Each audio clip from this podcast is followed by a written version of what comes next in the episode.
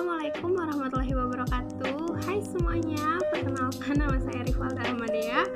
Di sini kali ini aku akan membahas tentang trust isu, tanda-tanda, dampak buruk dan cara menangani trust isu. Jangan-jangan di antara kalian ada yang pernah mengalami trust isu atau sedang mengalami trust isu kayak aku ya. Pernah mengalami trust isu tapi alhamdulillah seiring berjalannya apa ya mikirin yang sebenarnya nggak pantas buat pikirin gitu. Karena waktu kita tuh terlalu berharga untuk memikirkan yang tidak-tidak apalagi memikirkan yang sebenarnya tuh emang nggak akan terjadi dalam hidup kita kan kayaknya wasting time banget gak sih? Nah untuk itu uh, kita bahas trust isu yuk. Oke okay, guys trust isu ini apa sih gitu ya? Sebenarnya trust isu ini tuh udah sempet booming beberapa waktu lalu loh kayak tuh apa sih trust isu apa sih trust isu nah ternyata ini tuh masalah sosial. Karena gimana ya semakin dewasanya kita gitu ya biasanya akan lebih menjadi lebih waspada dan berhati-hati untuk dapat mempercayai orang lain gitu. Hal ini tuh wajar sebenarnya untuk dialami oleh kita semua. Cuma kalau ini terlalu berlebihan maka akan menyebabkan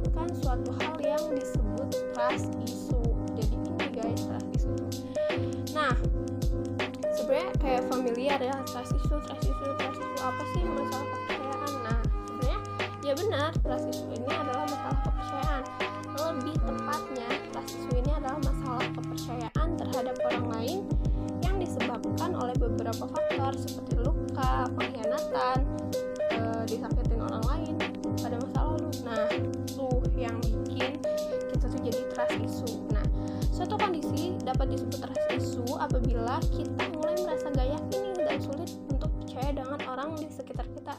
Kayak aku ya, aku pernah mengalami hal buruk dan itu tuh mempe, apa ya mengaruhi aku banget gitu kayak gue gak percaya sama ini mah males gitu gak percaya sama ini. Dan akhirnya bikin capek sendiri gitu karena kita selalu ngeliat orang lain tuh kayak aman gak ya ini? Kayak ini cocok gak ya? Ini bisa gak ya? Nah selalu kayak gitu dan itu disebut dengan trust isu oke okay.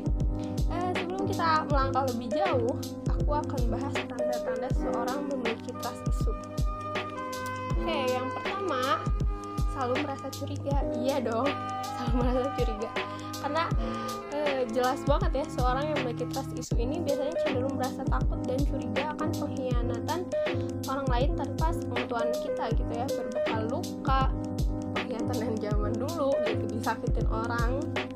Itu biasanya akan selalu memikirkan kemungkinan terburuk yang akan dialaminya dalam kondisi jadi apa ya kita tuh selalu gak percayaan sama orang gitu. Pokoknya negatif thinking aja kalau ngeliat orang. Jadi kayak ah gitu deh pokoknya. Karena trust isu ini gimana ya selalu bikin kita tuh curiga aja sama orang. Kayaknya nih orang tuh ada maunya deh. Kayaknya nih orang tuh ini deh. Pokoknya kayak suzon terus sama orang kan padahal itu gak boleh sama sekali ya. Nah yang kedua adalah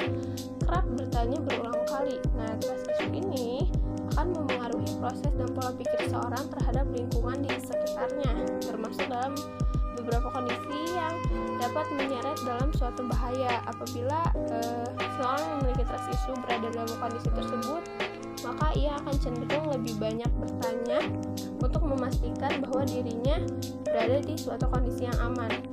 Dan ini tuh udah selalu bertanya berulang kali dengan pertanyaan yang sama. Itu lagi itu lagi yang ditanya. Karena apa ya trust isu ini bener-bener kalau orang yang udah ngerasa yang menderita trust isu ini selalu dia tuh ya pengen yakin bahwa dirinya baik-baik aja gitu. Yang tanda ketiga adalah merasa kesepian. Nah biasanya memiliki trust isu ini seorang yang memiliki trust isu ini biasanya memiliki pengalaman yang kurang menyenangkan gitu ya sebelumnya.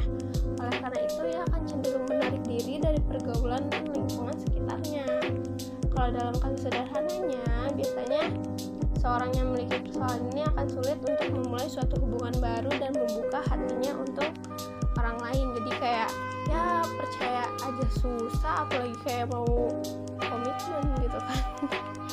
Oke tanda yang keempat ini baru aja ya tadi kita omongin itu sulit untuk berkomitmen. Nah karena kita kesulitan untuk memulai hubungan baru hal ini tuh didasari oleh rasa curiga dan tidak mudah percaya terhadap orang lain.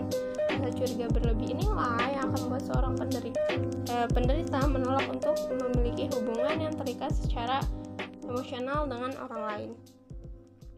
Oke nih, tadi aku udah bahas tentang tanda-tanda trust issue. Sekarang dampak buruk trust issue. Jangan salah gitu ya, e, trust issue ini sebenarnya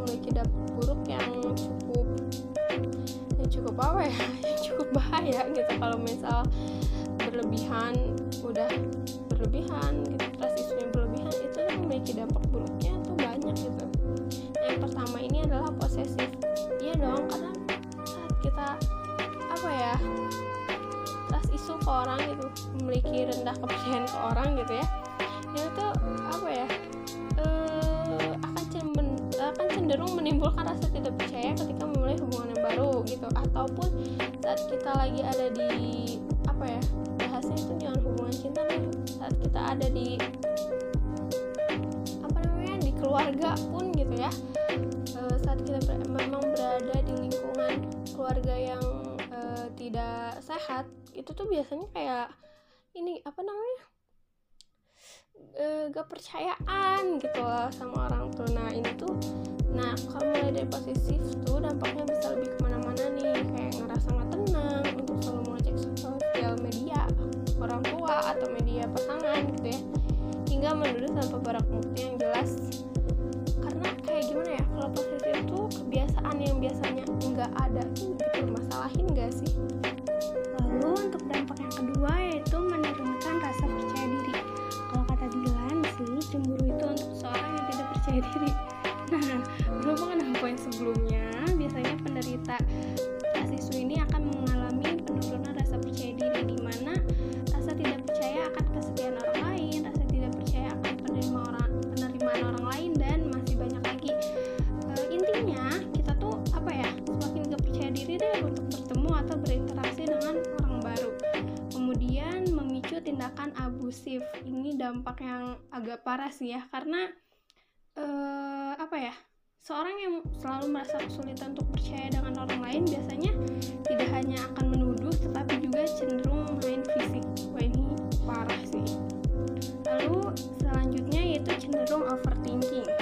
Ternyata overthinking ini gak cuma apa ya dirasakan oleh kita semua tapi yang lebih parahnya lagi adalah overthinking ini akan membuat menjadi pribadi yang gak pernah berhenti memikirkan berbagai skenario terburuk yang mungkin terjadi pada diri kita gitu ya. Apakah dia berbohong apakah dia ini apakah dia ini pokoknya selalu overthinking aja lah. Ya biasanya jam-jam overthinking adalah jam-jam sebelum tidur kayak jam 9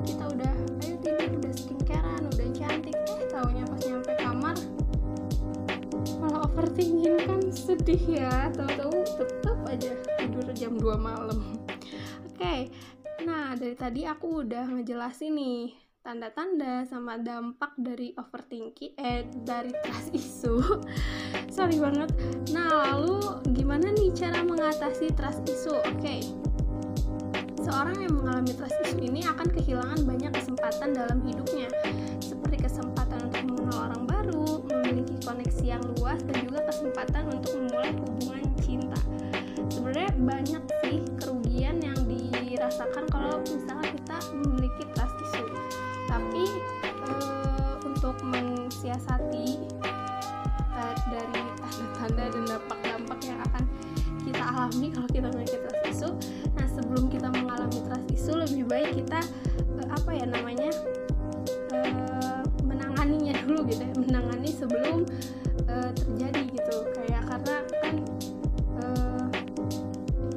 seperti kata pepatah bahwa uh,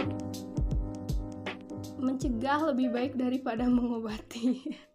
Oke, okay, kita akan tahu yang pertama ini meminimalisir kebiasaan overthinking. Kebiasaan overthinking merupakan salah satu outcome yang dihasilkan sebagai dampak buruk dari trust issue. Ada e, banyak sekali cara yang dapat dilakukan untuk meminimalisir kebiasaan overthinking.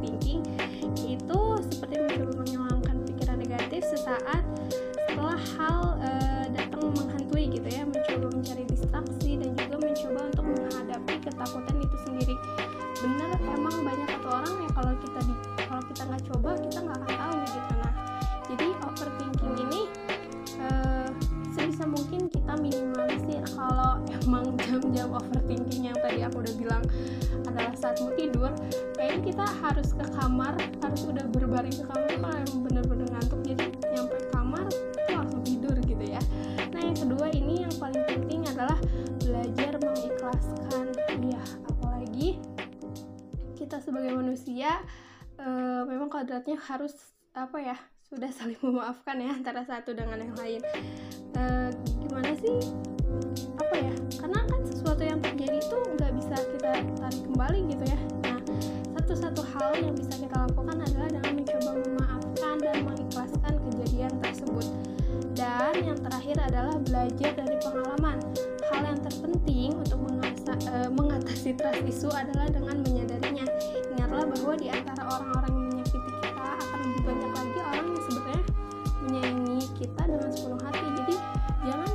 habisin waktu kita tuh untuk memikirkan yang sebenarnya gak akan terjadi gitu. Kan karena kayak bikin capek sendiri. Karena di dalam Islam pun kan sebenarnya jangan takut sama takdir Allah gitu ya bahwa daun jatuh pun sebenarnya itu udah kehendak Allah apalagi perjalanan hidup kita gitu ya pasti udah dijamin gitu sama Allah. Oke okay, uh, eh, tips dari aku gimana ya sebenarnya kita memang harus selalu waspada untuk percaya sama orang tapi kalau berlebihan itu tidak baik. Emang benar kan sesuatu yang berlebihan itu memang tidak baik.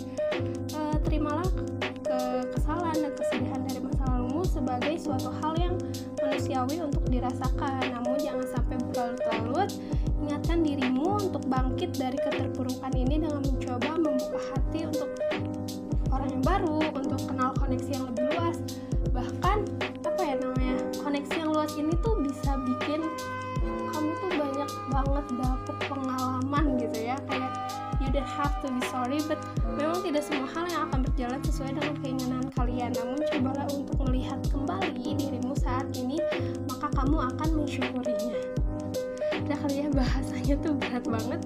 Karena trust isu ini jujur adalah masalah sosial yang banyak sekali orang yang gak sadar bahwa dia ini memiliki nah dari kita tahu bahwa trust isu ini memiliki dampak buruk yang banyak dan uh, aku udah jelasin bagaimana cara mengatasinya jadi lebih baik mencegah daripada mengobati. Oke sekian dari saya. Mohon maaf bila ada kesalahan kata. Wassalamualaikum warahmatullahi wabarakatuh. Bye